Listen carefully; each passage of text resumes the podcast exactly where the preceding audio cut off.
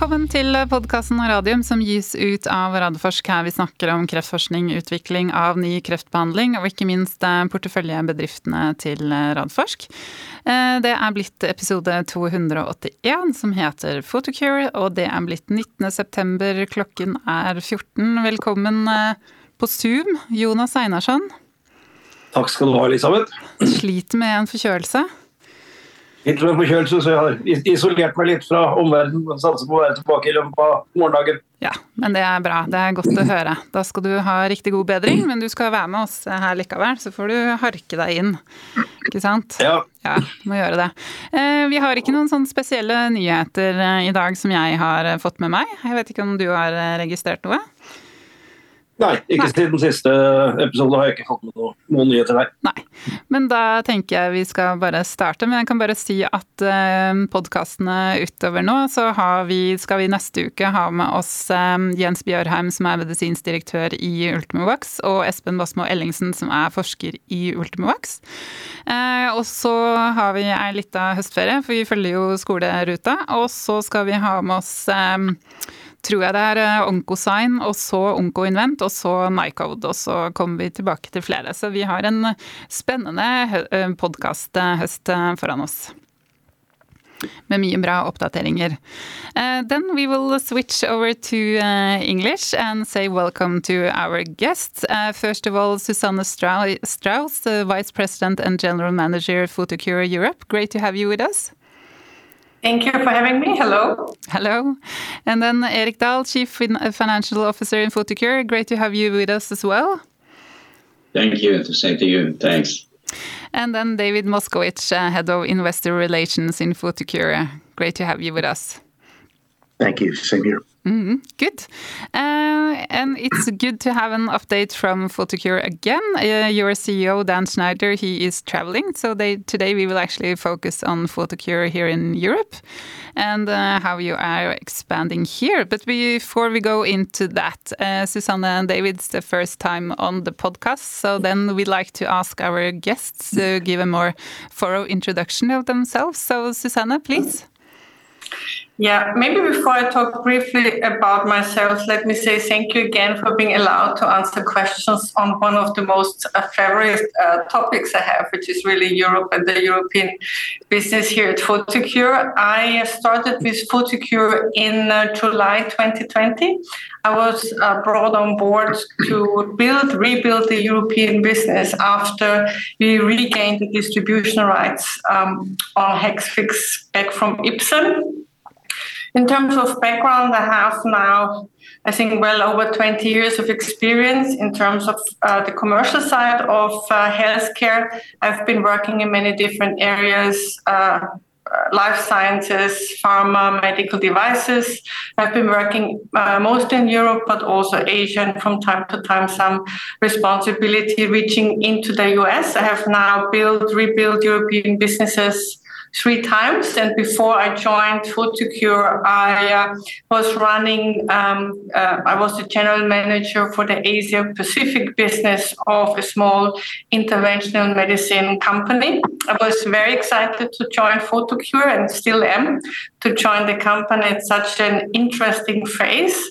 In terms of my responsibilities as general manager, upon arriving, the very first order of business for me was really to build a very strong commercial team, which really meant that I was going out and uh, finding, trying to find really good people, people that could work with very different aspects because we have a medical device aspect, we have a pharma aspect, and we have a capital equipment aspect that we need to handle. And I needed people that really were uh, able and had experience with building businesses from scratch. I think we have been very successful with that. I'm very happy with um, the team that we have now. We added then very good medical and market access support, and really everything developed from there.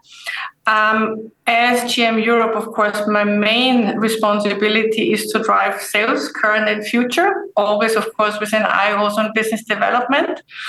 I uh, also, upon request, support investor relations, and as part of the executive leadership team, I'm also, of course, concerned with global aspects of uh, Photocure. Great, thank you so much. Uh, it seems like you have the perfect background for uh, for Photocure mm -hmm. and heading the European businesses. Uh, mm -hmm. And then, David, over to you. Sure. So I started life as business life actually as a pharmacist. Uh, attended business school and went to Wall Street uh, to practice as an equity analyst. Uh, there, I covered the pharmaceutical and biotechnology industry. I was in that role for 16 years um, before turning my career toward the corporate world uh, as an investor relations professional. Um, I've been on this side of the business in IR for over 10 years, and I joined Photocure in 2020. Uh, as my title suggests, I'm Vice President of Investor Relations, and that's what I do, uh, which is pretty much uh, keep investors informed about the business and make sure we as a company remain in, aligned with investor interests. Um, also, I'll work on business development and strategy with the senior leadership team uh, from time to time. Mm. Great, thank you. So I noticed that you both uh, uh, enrolled in Photocure during the pandemic. 2020, both of you. Yeah. it was an interesting time. I joined um, sort of uh, after the major outbreak, and uh, you know when things were calming down for the first time toward the end of 2020. But yeah, certainly an interesting time. And I remember working with Dan and Erik for a while, and then finally meeting Dan in person in our Princeton office. And we both had masks, and we were the only one in a large, you know, office campus. Uh, there was the building was empty. So yeah, it was a strange time. Mm we don't want to go back there. Um, for sure. Uh, but first, uh, uh, or we continue with you, David. Maybe you can give us, uh, since Dan is uh, traveling, give us a brief company update on Photocure uh, as of now. And what do you think, or in what perception, are the main highlights so far in 2023? Sure. Well, I think importantly, we continue to grow the business. Uh, product revenues are up 22% year to date. That's through the first half of the year. And actually, total revenues are up 38% if you include a milestone payment that we received from our partner Asieris for the ongoing development of Cevira. I'll talk about that in a little bit. Um, there's a technology upgrade cycle that's happening in the blue light space that I think is, is really interesting. Um, the technology has and continues to move from standard definition to high definition, sort of upgrading to the modern world. Um, Richard Wolf was really the first to go to high definition uh, a couple of years ago, and Karl Storz in the U.S. just upgraded their system to high definition. Outside the U.S., it's a little different because of the regulatory situation, um, so it's a little more incrementalism. But Karl Storz it took them, uh, you know, they just uh, came with high definition equipment at the end of last year, and we've been taking advantage of that. We've had a great launch of of new uh, high definition blue light systems in the U.S. since, since that time.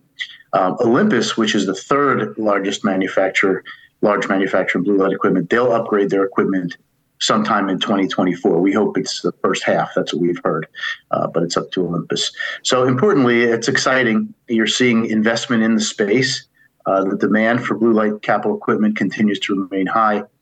And we know of many uh, manufacturers, several manufacturers that do want to get into this, this segment.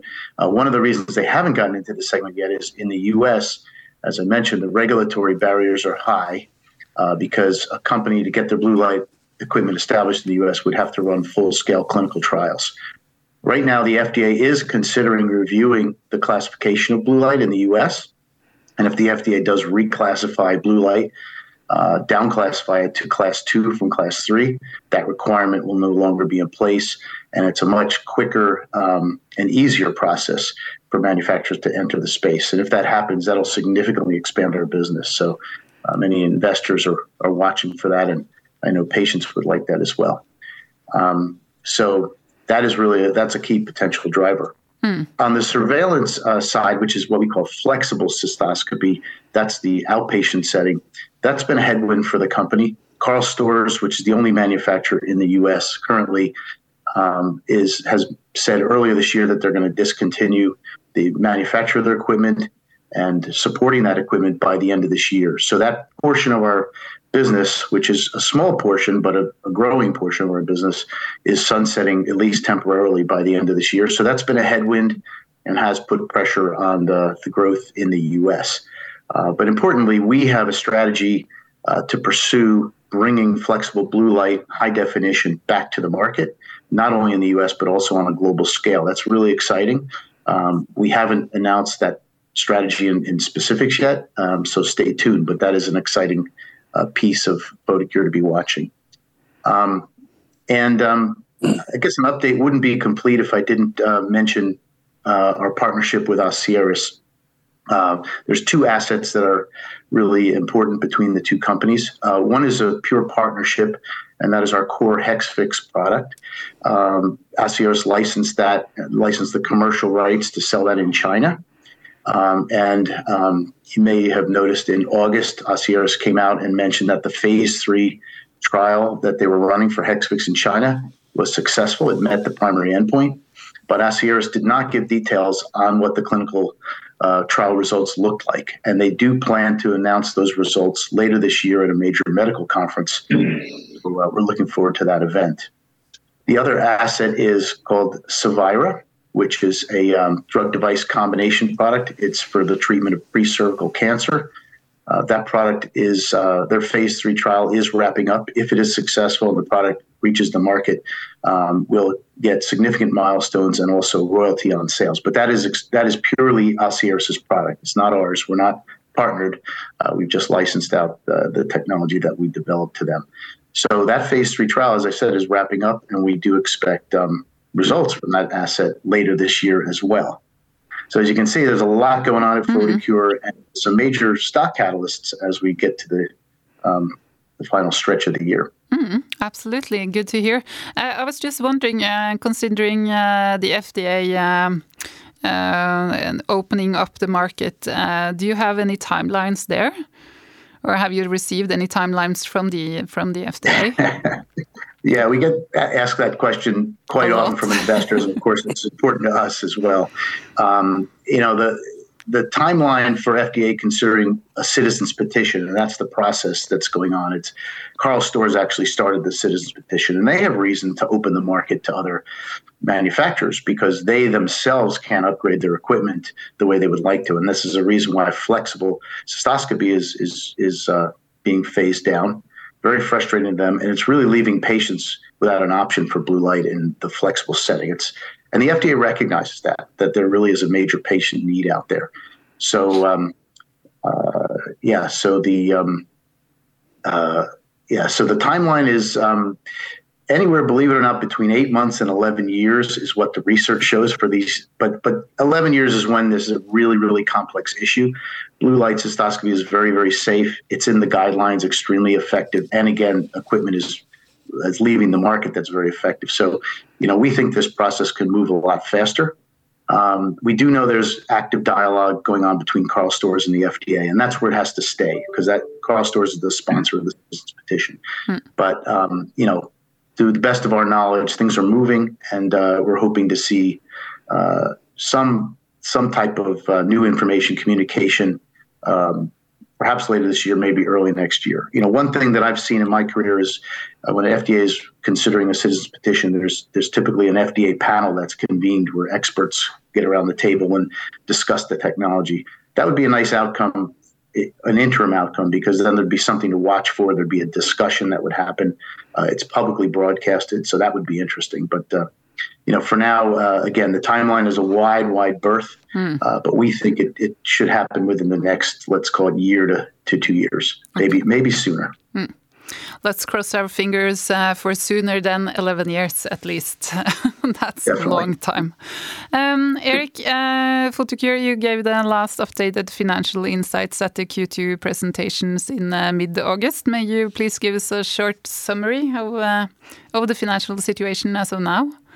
Yeah, thank you. Will do. So looking at the second quarter, overall, we saw really a significant improvement from the first quarter. However, the comparison with the second quarter last year uh, was impacted negatively by the phase down of the Cysview uh, usage in the flexible BLC setting in the US, as well as a German hospital stocking uh, last year ahead of a July price increase in Germany. But in spite of this, uh, however, we have significant improvements from Q2 last year, driven by sales revenue, driven by the milestone from Asieris and cost containment. Total revenue in the quarter was 144 million, uh, an increase of uh, 43 million or 44% from the second quarter last year. And main drivers were the milestone payment from Asieris for Cevira of 27 million, and we also had foreign exchange impact of about 15 million, as well as increased average selling price. And the average selling price was positively impacted by last year price increase in Germany and US, as well as the country mix. Consolidated Hexvix Cysview revenue in Q2 increased about 16%. EBITDA in the second quarter after business development expenses was 23.4 million. That's an improvement of 22 million from last year's second quarter, and the improvement is revenue driven, both milestones as well as Hexvix Cysview. And then finally, cash. Cash flow in the second quarter, 12.9 million positive compared to negative 12.4 million in Q2 last year. It's an improvement of 25 million NOK. And finally, we ended Q2 with a cash balance of 259 million Norwegian kroner. Mm. So it's it's been it was a good quarter. Mm, absolutely. Do you have any comments, uh, Jonas? No, I think uh, David answered my, my questions about the timelines, but there's one, one timeline more, and that is uh, that, that is actually not your responsibility. But if you know something about, uh, I think we have heard that Jan Egbert is leaving as the chairperson of the board. Uh, uh, in September, and it's not that many days uh, left of September. Is, uh, is anything you can tell us about that? Yeah, it's been announced that Jan Egberts will leave the board. Yes. Oh, okay. Yes. So, uh, and he will leave the board. Yeah, but there's, there's no news of when there will be a replacement. Uh, yes, I mean there will probably be a replacement taken from the current board members. That's the only way to deal with it because it's a big process. You need an extraordinary general meeting. It's a lot of work, and it takes. I, I, we need we need to have the time needed to to select the right the right the right chairman chairperson. That sounds reasonable. Thank you. Mm. Good. Uh, then, Susanna, we will focus on uh, Europe as we promised uh, in the start. Mm -hmm. um, as you uh, as you mentioned, you joined in 2020, and it's uh, it has also been almost uh, three years since Photocure took over the broader European markets from Ipsen, as you also mentioned. Um, so, what are the major changes in the business from 2020 to 2023 mm-hmm. today? So I think one should start by saying that Hexvix was really never a good strategic fit for Ipsen. So in order to sell Hexvix, you have to be able to find your way around in an operating room. You need to be knowledgeable about the equipment situation, anything around image quality. You need to be uh, having good relationships with equipment suppliers. You need to be able to manage and support the work process in the hospitals that lead the patient basically to the OR and then out of it again. This never has been a core competence or even core interest of a big pharma company like Ipsen. So it made sense at the time to take Hexvix back into Photocure. And I really still recall when we were basically starting to learn about the market. And during the transition period, it became very clear very quickly that the country organizations of Ipsen um, over time had really started to disengage from this product that was really not fitting them. So when we took over, uh, most markets had little uh, to no resources left that were dealing with Hexvix. With one exception, I, I really must say that was the, was the German-speaking region, so DACH, Germany, Austria, and Switzerland, always had a relatively good uh, coverage um, and resource situation, but was treated by Ipsen more or less as a cash cow on the side. Uh, relationships with equipment suppliers had never been established. As a result, uh, the quality of the or the equipment situation in the countries had deteriorated. Were really more or less outdated in many uh, cases, and blue light was no longer really a topic in the key opinion leader community. And when taking over, and you rightfully mentioned, we started basically right together with Corona. Um, the very first thing we needed to do was reconnecting with our key opinion leader community. And I still recall that we learned to work via video screen. And uh, thankfully, also our customers and physicians at the time had started to get really used to this interaction. So, for uh, introducing to key opinion leader community, this uh, still worked very well. And I think thanks to our efforts, over this time, and also thanks to the key opinion leaders that really welcomed us at the time. They were really supportive and glad that finally somebody was there to to work with them on blue light cystoscopy. They um, and we have seen the evidence of that just recently at the last Congress of the uh, European Urology Society at the EAU in Milan, which was taking place this uh, year in March absolutely blue light was back on the topic list. So that was a real uplifting um, experience. And also of course we have very much re-established the good working relationships with equipment suppliers. We drive together for upgrade of image quality now um, for the sake of our physicians but also for the sake uh, of course uh, of our patients.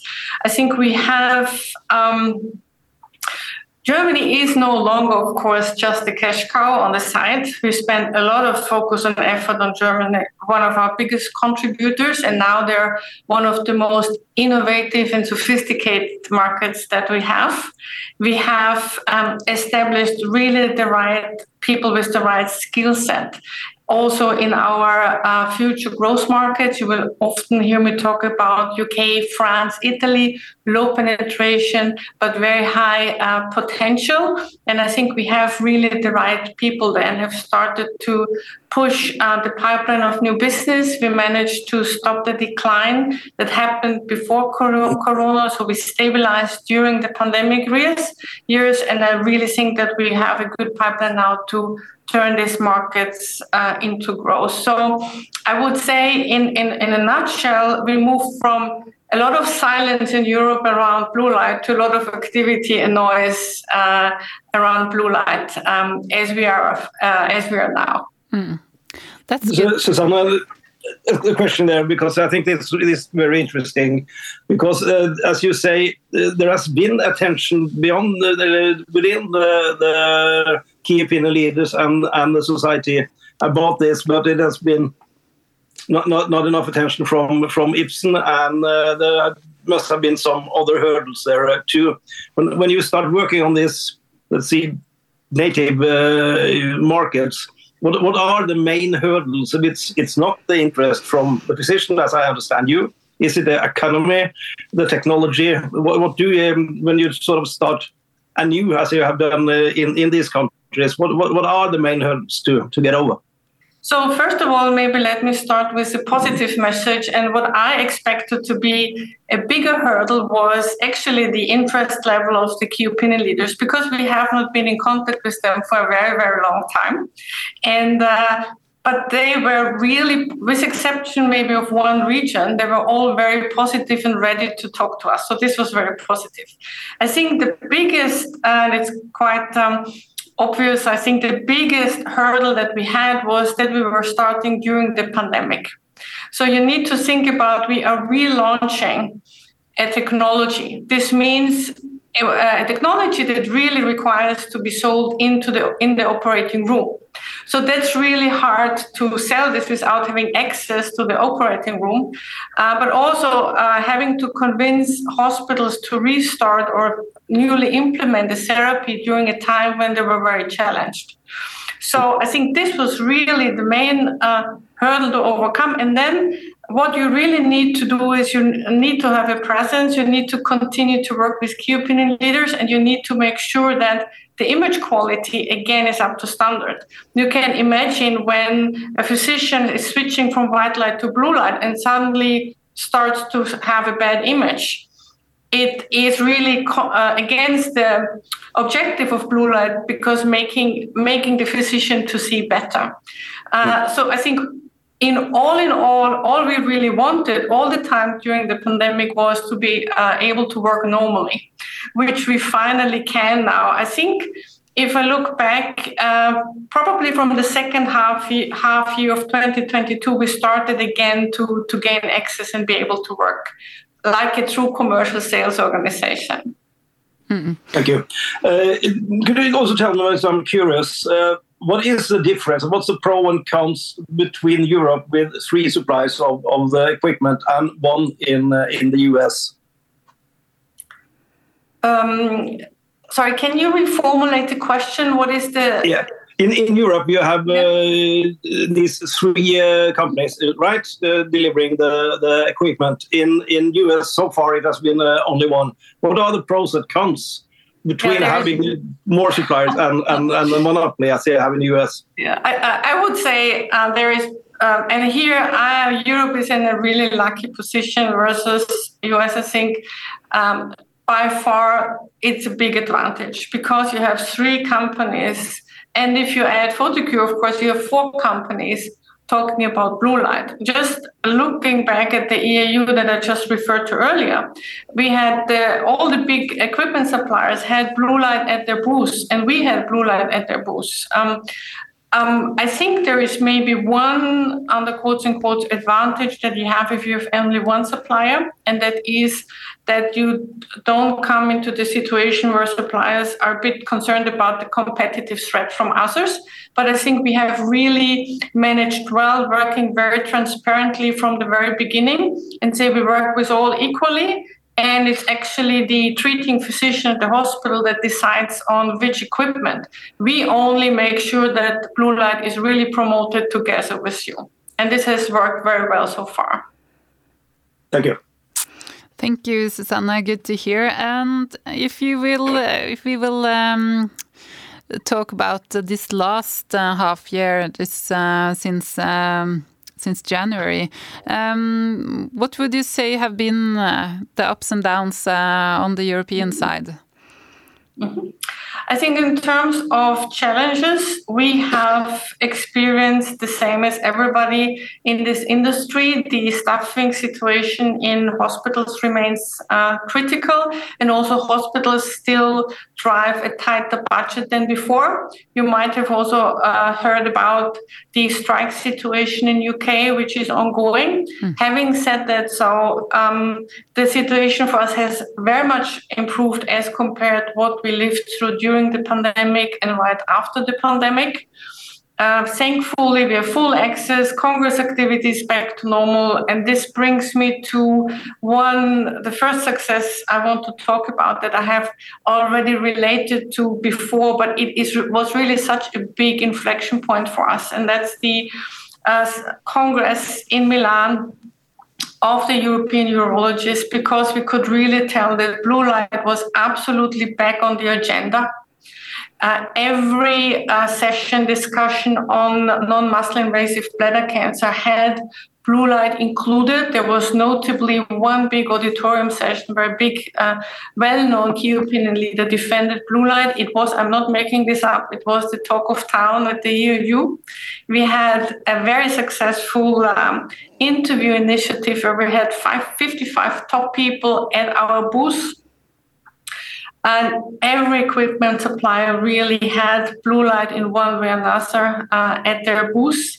We um, and just looking at the team, the team very much understood that this was an inflection point for us, and they went away from this congress with a lot of leads and a lot of motivation, energy, and drive. Another success I really want to mention is the German speaking region in, in Europe that continues to develop really well. It's a it's a very profitable region, well established, quite well advanced market, and despite of that, still growing. It moved from three percent in market unit growth in 2022 to seven percent in the first half year of 2023, and moving away a bit from the more established to the younger generation markets, UK, France, Italy, and also Benelux. I'm very pleased with how we push the pipeline uh, for new business, be it image quality upgrades or expansion of uh, the installed base. Uh, the pipeline is uh, looking really well um, uh, for future growth. Benelux, albeit a smaller region, was the first to turn the tide and de- um, delivered double digit in the first half year. And, uh, and I think with the pipeline that we have in place, also the other markets will come uh, come through in the future. So that was the first half year for us. So. Mm. Good to hear. Uh, I, I noticed from the presentation that um, there's a sales decline in Denmark. What's the situation there?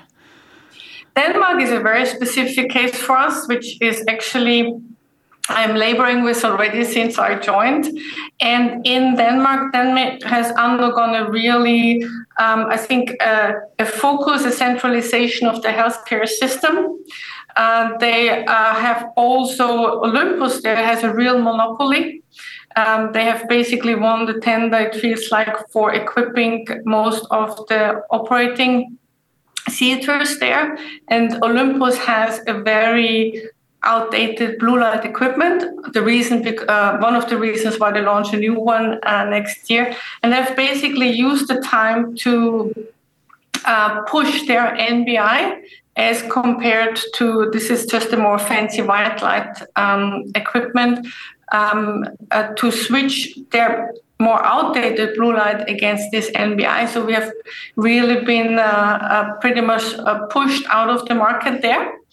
Uh, thankfully, this is very a local um, thing. So since I'm here, since 2020, I have not seen NBI, NBI coming that strongly to the fore as in Denmark, and uh, we have we are working on the situation. Hmm.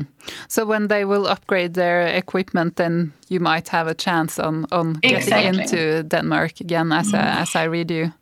Okay. Maybe uh, one uh, very uh, interesting information there is we managed to be uh, one of only three technologies which are currently evaluated by the Danish Treatment Council.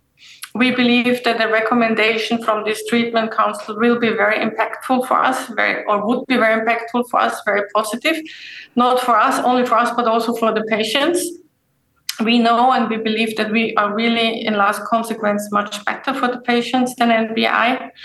And uh, the uh, uh, treatment council is uh, in the process of evaluating now, and we expect an outcome, a conclusion from them sometime, sometimes during 2024. Mm. Good. We have something similar in Norway called Beslutningsforum, so pretty similar to to the yeah. to the business mm -hmm. in in, in Denmark. Um, uh, image quality has something we have been talking about a lot uh, during this uh, podcast, and also also a main strategy in in Europe, as you said. Can you elaborate a bit on on the upgrade mm -hmm. on, of the image quality? I mean, that's crucial. Um, yes, so image quality upgrade is really critical, one of the critical factors that we need to drive in order uh, to uh, uh, run sales and build the business. Really, it means that we're taking, uh, making best use of the already very well, I would say, quite well established install base that we have in Europe when we started, I still recall when we started to regain access to operating rooms uh, towards the second half year of 2020. Uh, 2022, of course, um, we it became very obvious very quickly that due to the historical limited attention to Hexvix and the non-existing cooperation with equipment suppliers, the image quality was really quite challenged in in many of our markets, which of course means, as we alluded to already before, very um, this this um, so the, for the physicians very um, uh, frustrating to work with something when the image quality is not good. So we had seen Germany actually was in a relatively good place, having had, as I mentioned before, resources for for actually um, um, a longer period of time, even under Ipsen. But a market like France and Italy, especially, uh, were quite challenged, had very little attention. And as many as 80% of the installed base we realized was eight years or older. And also, we must say that in the Nordic, where we have uh, quite a high market share, a very high market share of uh, rather outdated Olympus blue light, we uh, realized that we were starting to have diminishing returns. I mean, just take Denmark um, as the as the most extreme example. So it became very clear for us that we need to move quickly on image quality improvement. Um, I'm very happy with what we achieved so far. Uh, in the first half year alone, we upgraded the image quality in 77 hospitals. I think that's quite an achievement. Uh, in terms of impact on the business, um, I think Germany is uh, already delivering well, having already had uh, as many factors of the success, of course, having already had a, quite a good history of maintaining image quality. But I'm really looking forward to the impact in a country like France, which is coming from a much more challenging equipment situation.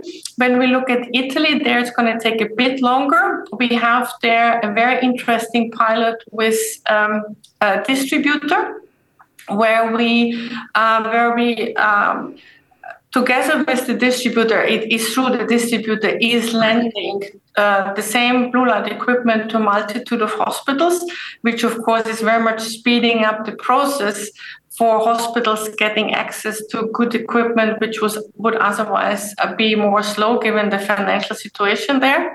And then, as already mentioned, as far as the Nordic is uh, concerned, we are eagerly awaiting the launch of the blue light Olympus equipment, having such a high market share there. Hmm.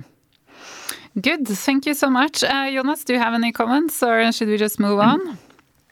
Yeah, no, just just move on. I. That's mm-hmm. yeah. Good. Uh, so uh, uh, finally, Susanne, uh, for the investors, what should they look out for in Photocure's uh, European business? If you should uh, sum sum that up, what milestones are coming? So I can say that we have uh, put everything in motion already that's critical to the success of the European business. So Germany, not Germany, sorry, Europe as a whole is a, a profitable region. Uh, the DACH region has already and is still responding very well to the focus on commercial excellence. Uh, we have, um, as already mentioned, we have put everything in place in the future growth market. We have the right people, uh, we have the right focus, we have the right key performance indicators to move them from decline, stabilization during pandemic years to turn them back to growth. As mentioned, uh, Benelux already did that uh, during the first half year, and also to get this big uh, key markets, UK, Italy, France, um, towards growth and good growth. That's one of our key, that's the key milestone that we're working towards now. In terms of other events that will uh, uh, positively impact the business, it's of course uh, expecting the launch of Olympus Blue Light during the uh, hopefully first half year of next year. Uh, in Europe overall, Olympus has in, in general a 40% market share, so it's a strong player, and we really want to partner with them. And then, of course, the uh, outcome of the evaluation of the Danish Treatment Council hopefully sometimes during 2024 will be very interesting for us. Mm. So a lot of positive things uh, happening. Mm -hmm. um, Erik, uh, do you have anything to add here on the financial side? Is there coming to be a lot of income generating from all this uh, positivity in in Europe? Yeah, what I'd like to emphasize is is is actually the profitability of the European business. It's it's high and it's also increasing over time. If you, if you look at the second quarter of, the, of this year, Europe had a contribution of 54% of revenue, and it's increasing from last last year, the same quarter of 51%. And contribution uh, is the revenue minus all direct cost of the business. If you go further down on the income statement, you find EBITDA, and EBITDA for Europe in the second quarter was 28% of revenue, uh, compared to last year's second quarter of 26%. So, you know, it's and, and this this positive development is driven partly by revenue growth, but also by cost containment. So it's it's a moving in the right direction. Mm. Put it that way. Good to hear. Um, and then I also noticed uh, on uh, on X, what I prefer to call Twitter uh, still, uh, that you have a new road show in, in Germany and Austria. And I mean, if I remember correctly, you had this road show last year as well. Um, so is there a strong demand for such an event, and what, and what is actually happening with this roadshow? Mm -hmm. Just uh, so we get the notion of it. Mm-hmm. So actually, the last uh, roadshow was uh, in uh, 2021 when we started. So because it's such a big initiative and project, we uh, like to do this only every second year. Um, the uh, uh, bladder cancer bus tour had right from the onset very strong support from the Society of Urologists in uh, Germany. The reason being that for the very first time, an event for and with uh, urology was really taking care of all the stakeholders involved, be it the hospitals, the clinicians, the referring physicians, but also the patients. Um, but maybe let me explain first what the bladder, uh, um, bladder cancer bus tour really is. So it's actually a big bus, a very fancy and nice bus that's um, carrying the latest blue light equipment to the hospitals. And, and it's accompanied by a lot of media attention which is in general, of course, helping the bladder cancer awareness, but is also helping the hospitals in getting known within uh, within Germany. And uh, uh, at the, the, the bus is stopping at the hospitals. There, the clinician can try out and learn about the latest blue light equipment. Referring physicians can learn about the service that the hospital is providing to the patients that they are referring to them. In, in that case, blue light equipment. Patients can learn about the bladder cancer uh, disease. Um, I still recall at, at the very first time, I still recall basically overnight this bus campaign made Photocure known in Germany and Austria. You must imagine nobody knew Photocure, everybody knew uh, Ipsen. I still recall I was there at the beginning when the team had put up the bus at the first uh, German Congress, National Congress, uh, the DGU. I was there at the physician dinner, and the, one of the neighboring physicians turned to me and said, "And who are you working for?" And I said, "I work for Photocure." I said, "Oh, you're from the bus company." so it was really from it was amazing. I've never seen such an overnight uh, success, and, and Photocure really with this has uh, from from within a second established very good brand image both in, in Germany and Austria. Now this year we uh, see that many hospitals have a bit of a harder time to join because of the staffing issues, but still there's a lot of excitement and interest. We will be stopping at um, 15 hospitals uh, in Germany, Austria. Actually, tomorrow I travel to the DGU, the National Congress in Leipzig, where again the bus will be present.